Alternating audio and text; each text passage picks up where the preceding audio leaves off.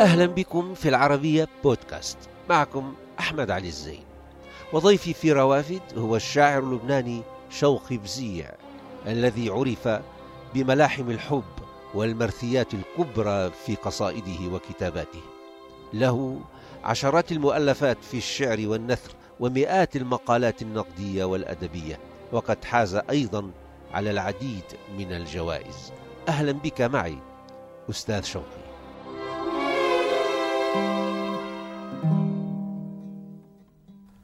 أنا ما خذلتك يا شعر يا سائس الكلمات الحرون بل تنازلت عن حصتي من خرير السواقي وعن لهفتي لمماشاة أضمومة من غيوم تسير إلى صيفها في مساء حنون. وعن رغبتي في احتساء الصباحات أشرب قهوتها مرة دون أن تتولى بقية يومي أبالسة المفردات التي تتقافز عمياء في ردوهات الجنون. أمن أجل هذا الهباء أرقت حياتي؟ أمن أجل سرب من الكلمات التي ليس تسمن؟ أورثتني ما تخثر من ألم في المسام. وما فاض عن حاجة القلب من خفقان وأعطاب سلسلة الظهر والخوف من جرس الباب أو هاتف البيت خشية أن يقطع الزائرون انتظار الثقيل لما ليس يأتي وتزجية الصمت حتى الصباح لئلا يفاجئني الموت أثناء نومي وشح البصر. أبي هذا تكافئني يا ربيب الغيوب التي لا ترى ورسول إشاراتها المنتظر. قبل حوالي أربعة عشر عاما من هذا التاريخ التقيت بهذا الشاعر. مسافة في الزمن حدث خلالها الكثير.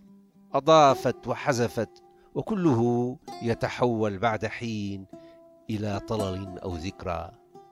أحلام وآمال وولادات وهجرات وثورات وعدت بالحرية والعدل في بعض عالمنا العربي الذي بعضه توغل في المآسي والفجائع وبعضه نجا بمقدار ما. أربعة عشر سنة أضاف الشاعر إلى رصيده الشعري سبعة دواوين وثلاث مجلدات للأعمال الكاملة وكتاب بحث في سؤال الحداثة وأضاف إلى حياته شريكة وزوجة وابنتين. هن أيضا شاعرات وبالطبع سيكون لروافد محطة بعنوان بيت من الشعر لرصد هذه العلاقة بين زوجين شاعرين وابنتين إحداهن أيضا شاعرة ورسامة. أما هذا اللقاء فكان على أواسط شهر تموز وكان العالم الذي أصيب بالهلع نتيجة عدو مجهري اجتاحه بدأ يراوضه هذا العدو بعد أن أعاد الناس في بداياته إلى الجحور الحديثة. فاختبأوا خلف الأبواب يراقبون من نوافذهم مدنهم المهجورة ويتأملون سيلان الصمت والزمن في الأزقة والشوارع. عدو مجهري كشف هشاشة هذا الكائن بحيث بدت كل إنجازاته التقنية وأسلحته الفتاكة تشبه الخردة التي سيأكلها صدأ السنين لا فائدة منها ولا رجاء. فقط صممت لقتل الأرواح والإبادات وتدمير عناصر الحياة. على كل حال أسئلة كثيرة دائما تطرحها تلك الجوائح. والتي تشبه صفارات الإنذار لهذا الإنسان المتمادي في ارتكاباته الهمجية. كنا في يعني كمان نحن بحالة سكر ثمل بالحياة ككوكب عم نحكي ما شايفين شيء. في نوع من النرجسية جماعية البشر مزهوين بأنفسهم كشوفات علمية لا محدودة تقنيات عالية عم تتقدم بإيقاع لا يتناسب مع الشيء اللي كنا مستعدين له بيولوجيا ونفسيا وذهنيا بحيث إنه حتى اللي عم يكتشفوها عم تفاجئهم يعني حتى الغرب كان كان أصلا رايح ب يعني منتج مأخوذ بحاله. وعلى كل حال هذه الأسئلة مش جديدة.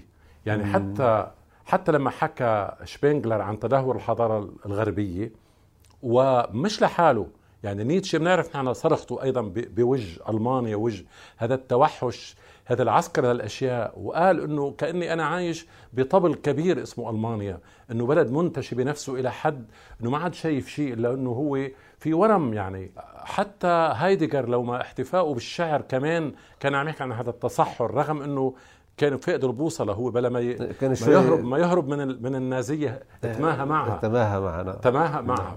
بس كان دائما في طرق للاحتجاج على الواقع وانتباه للبشرية. في رواية لألبرتو مورافيا اسمها الانتباه إنه الفن والأدب أصلا هو انتباه للأشياء الغفل اللي بنكون نحن مش من قد ما هي بديهية بننساها. في القول الشهير الناس نيام إذا ماتوا. وإذا ماتوا انتبهوا واللي أنا استثمرت بقصيدة الشاعر إنه الناس نيام فإذا الشاعر مات انتبهوا. انتبهوا في نهاية القصيدة. شوف الجائحة مثل ما مبين إنه كل قرن في شيء بمر على البشرية بهذا المعنى كأنه كيف جرس دقات المسرح الثلاثه قبل قبل المسرحية؟ كأنه قبل القيامة اللي حدا بيعرف ايمتى في, جرس إنذار. جرس إنذار كل 100 سنة. بدأ بلكي هالبشر بفيقوا من سكرتهم. ينتبهوا. نحن مثل مثل اللي بيكون مركبة فضائية بيربطوه بشريط عادة بيربط حاله وبيتجول بالفضاء بس بده يرجع لمحله.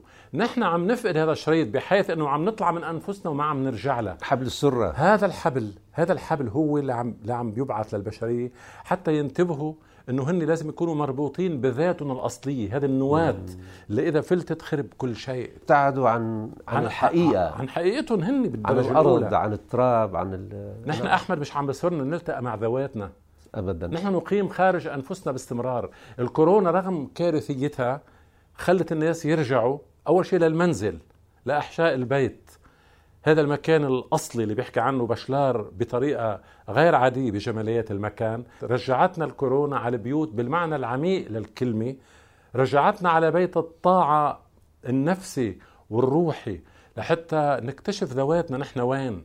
ولنعرف قديش حجمنا بالنهاية قد ما الإنسان كبر كتير وانتفخ فمهم كتير يرجع لحجمه الطبيعي اللي هو بيوازي هذا المكان اللي هو عقله بالدرجة الأولى وروحه طبعا. نعم. آه، من الأشياء الأخرى اللي اللي تغيرت خلال ال 15 سنة آه، هي ما حدث في العالم العربي طبعا. ونحن حكينا عنه بلقاء خاص أظن. هي اللي كانت ثورات وطبعا للأسف راحت فيها المنحى المأساوي.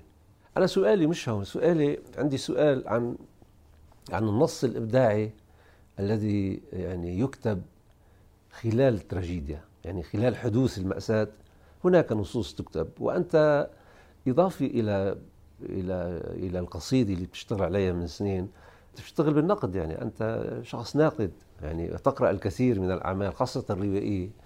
وبتشوف الأشياء بعين ناقدة وليس يعني آه، هيك بشكل عابر. بظنك النص الإبداعي هل يفقد شيء من أهميته أو ممكن أن يتحقق تحت بطة المأساة يعني؟ أم نحن دائما نحتاج لمسافة خاصة على مستوى الرواية؟ إذا بنحكي الرواية الرواية والتراجيديا إيه. بهالمعنى أنه الرواية ممكن تكتب خلال المأساة أم أنها يعني تكتب تطلع على شكلة وثيقة وثيقة تاريخية يعني بدأ إعادة صياغة. ربما القصيدة أسهل لأنه صوت فردي. يعني هي جزء من الاجابه أحمد اللي طرحته. صحيح القصيده أسهل مش أسهل. طبيعة الشعر ممكن تسمح بأنه ينكتب شيء تحت وطأة حدث ضخم جدا لأنه شئنا ما أبينا ومهما حكوا نقاد عن أنه الشاعر لازم يتخفف من فائض المشاعر والعاطفة ولازم ما يكتب تحت وطأة الانفعال الصرف. لكن ما في في في منسوب ما من الانفعال ومن العاطفة لازم يصاحب أي عمل خاصة بالنسبة للشعر. هلأ المهم بس كيف توظيفه؟ بده بده يمرق بمصافي متعددة وطبعا هي أهمية الشعر الكبير إنه ما ياخذ الحدث كما هو ويرجع يعيده كما هو. وأنا قلت أكثر من مرة إنه يا أخي خلينا نتشبه نتشبه بالشجر. الشجر بيتغذى من سماد الأرض وبياخذ أشياء قايمة على فضلات الحيوانات والبشر وغيره. بس ما برجع عنا اياه مثل ما هي. بيعطيني فواكه تفاح و... وردة. فكيف أحمد أنا وياك أو أي كاتب كيف بده يرجع الأشياء المواد الخام اللي تلقاها من, من العالم؟ نعم. ما إلى معنى. نعم. لذلك ال- ال- الرواية طبعا أصعب من الشعر لأنه تعتمد إلى حد بعيد على الذاكرة وعلى الحياة المنقضية وعلى المسافة بينه وبين الحدث الأول. دائما. لذلك يتقدم الروائيون بعد ما يخلص الشعراء يعني ب- الشاعر صحيح منه مراسل حربي صحيح مش مش ضروري يكون شاعر مناسبات ولكن المسافة بينه وبين الحدث نسبيا أقل بتكون نتيجة تكوين اللغة نفسها نعم، يعني نعم. اللغة فيها غليان ما فيها فيها هذا الانفعال يعني. فيها دراما فيها إيه وطبعا بتعدل بالحدث ولكن لا الرواية تحتاج حتى طبيعتها لأنه هي حياة. حياة موازية تقريبا هي تقريبا واقع موازي للواقع يعني صحيح. هيك بده مشان هيك شوي- راجت بهذا العصر نعم. يعني الرواية را- راجت أكثر من الشعر لأنه لأنه الرواية تسمح للإنسان بالاستقالة خاصة المتعب والمثقل بأحماله بالاستقالة من حياته الأصلية وهو يحتاج إلى أن يقيم في حيوات أخرى سواء بعالم الأحلام مشان هيك بينبسط بالحلم أو بحلم بالمتخيل. متخيل عبر ال- الرواية ومتعة الرواية إنه في ينسحب منها لما يعني في شرك أبطالها مصائر إيجابية وبس يواجهوا مشاكل كبيرة بينسحب لورق لذلك هو هو بي- بيشارك بالغنم مش بال مش نعم، بالغرم نعم. بيعمل حروب بالغير. وبيخوض حروب بغيره. إيه. هلأ مع فارق طبعا طبعا. إنه حتى ما يبين كمان إنه لأنه هلأ الكل عم يروج لعصر الرواية. أنا مش مع مع إني مفتون بالرواية ومتابعها وإلى آخره ولكن ضد هذه الخلاصات المتسرعة.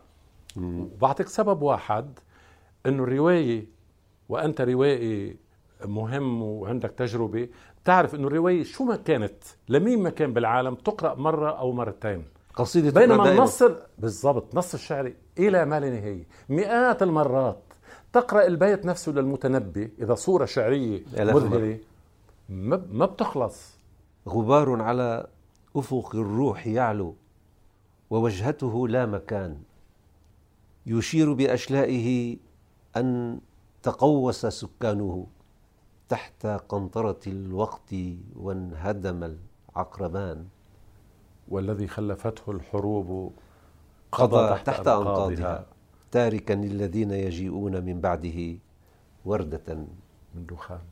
والله بتحفظ شعرك انت مرت... إيه مرثيه الغبار. يعني يعني ه- هيدي فيها نوع من التكثيف نعم. لل- للسؤال وال- وال- والإجابة اللي اللي تفضلت فيها قبل شوي كان لابد كي يدخل النهر في الشعر أن يفقد النهر. لابد أيضا لكي يدخل الحب أن يفقد المرأة المتشهات والحلم أن يفقد الغفوة المطمئنة والبيت أن يفقد العائلة. ومن حيث لم ينتبه كان يبهجه أن يخون المسمى لكي يربح الاسم أو أن يرى في الكتابة ما لا يرى في تفجر مجرى الحياة الحقيقي أو أن يقايض بالمفردات السقيمة فردوس أيامه الزائلة. هكذا راح يحصي محطات تلك الحياة التي خانها بالقصائد حتى إذا أصبح العمر مقبرة من حروف تراءى له الموت في زي أعماله الكاملة. هيدي الأعمال الشعرية آه بتذكرني بكتاب سارتر الكلمات بيقول إنه لما شاف أعماله الشعرية خاصة أعماله الكاملة كانوا يسموها. هلأ نحن عم نتجنب الشعرية منشان ما نوصل لقصة إنه الكاملة لأنه الكمال هو فقط في الموت يكتمل الإنسان. فلما شاف أعماله ب- موجوده بالمكتبة فبيقول إنه بتستحق بيستحق هذا الشيء اللي هو جزء من رف في مكتبة إني بادله بحياة لا امنحها إلا مرة واحدة. كم كم نسمة هواء كم نجمة طلعت وما شفتها. كم موجة فخ طلعت. يبدو كتابي يبدو فخ ما فيك تحصل على كل شيء. يبدو فخ نعم نعم. فهيدي هي الأعمال. مدن الآخرين أيوه. هذا ديوان طلع بال 2010 ولا- وكتبته لحتى أحكي دائما عن جمالية الآخر المختلف أو اللي بسموه بالغرب حسن الغريب. جبل الباروك هو القصيده الوحيده اللي طلعتها بكتيب صغير مع تخطيطات ورسوم لكمال جنبلاط اللي هي مرثيه آه، كمال. كمال جنبلاط اللي كان طبعا زعيم الحركة الوطنية اللبنانية. كأنما جبل الباروك اذهل لك مكتوب هون أيوه. أن تنحني فمشى في يومك الشجر. إلى خصوصية ليلة طلعتها بكتيب مستقل. وردة الندم. حلو. المرأة. هاي الوردة اللي شو ما عملت ندمان؟ شميتا ما شميتا قطفتا ما تركتها على أمها. شو ما عملت؟ كلها. محفوف بالندم إيه كلها. هذا ديوان حب. إيه. كتب في الحرب في الحرب الأهلية وما تجرأت على نشره قد ما كان في ضحايا وفي شهداء. فخفت حدا يقول لي إنه أنت مترف لدرجة إنه تكتب ديوان حب. لذلك نشر متاخرا عن كتابته سبع سنوات. كل امرأة أحبها تؤكد استحالة النساء. فكلما مشيت خطوة على طريق روحها أعود خطوتين للوراء. وكلما طوقت خصرها بساعدي تراجعت إلى الخرافة. كانما أحب ليس امرأة بعينها بل المسافة. بل المسافة. وهذه بتناسب مع مع الكورونا. مسافة الأمان الاجتماعي. إيه إيه. ف... بالتباعد فديوان كوروني بامتياز. مرثية الغبار هي مع بلوغ الأربعين. فوقفت بال الطفل اللي كان اللي كنته لكن بين مسافات شاسعة هي الحرب الأهلية. يعني كم من التضحيات من الدموع من الدماء من الذكريات من المآسي. وكل واحد واقف على ضفة من ضفات هاي الحرب وعم بيقول له وينك ما عم شوفك؟ عم بيقول للتاني. هذا الحوار طلع بمجموعة مرثية الغبار. جميل. مرثية الغبار اللي هي من القصائد المفصلية مدام بدأنا بالحكي عن المفاصل مم. حتى الشاعر أو الكاتب أو الروائي فعلا عنده أعمال مفصلية مم. يعني بجمع بخزن وبكذا هو وهو في ذروة طاقته عندما يكتب العمل باللحظة المؤاتية تماما فعلا في ممكن يكتب شيء بيعمل سقف له بصير صعب يتجاوزه إلا بعد حين بعد فترة طويلة يعني وما يكتبه بعد منه بصير كأنه نوع من من في أرض محروثه سابقا مم. يعني بيكون تنويع عن النص الأصلي هلا في منهم بيقولوا إنه الرواية لا يكتب إلا رواية واحدة وبتعرف هالشيء والشاعر يكتب قصيدة واحدة. لا المقصود فيها إنه كأنه بيعمل توقيعه مره واحدة على اللغة يعني على على نعم. اسلوب السرد أو هي فيها ظلم هيدي لأنه هو في نص ربما لسبب ما في صدف تتقاطع بتقدم هذا النص أكثر من سواه. وبيكون النص هو ربما في غيره أهم منه عند الشاعر نفسه أو الروائي نفسه. ولكن يعرف بهذه الرواية. هو بيكون عمل مهم. نعم. بس الناس عندها ميل دائما للعناوين لوضع الناس بأقفاص وبعناوين. ولكن هو إذا بدك صحيح أنه المقصود إنه الأسلوب هو الرجل إنه بنهاية صنع أسلوبه بمحل معين وبلش يكرر يكرره. لكن هذه الشغلة فينا نختزلها بفكرة النهر. إنه النهر هو واحد ومختلف. لأنه مثل ما النهر هو ذاته له هوية له شخصية ولذلك يسمى هذا النهر النيل وهذا النهر الفرات وهذا الأمازون وهذا غيره. لكن مياهه تتجدد باستمرار. إذا هو واحد ومتعدد في الآن نعم ذاته. نعم نعم. البيوت طيور تزقم أفراخها لوعة كلما ابتعدوا عن حديد شبابيكها المائلة.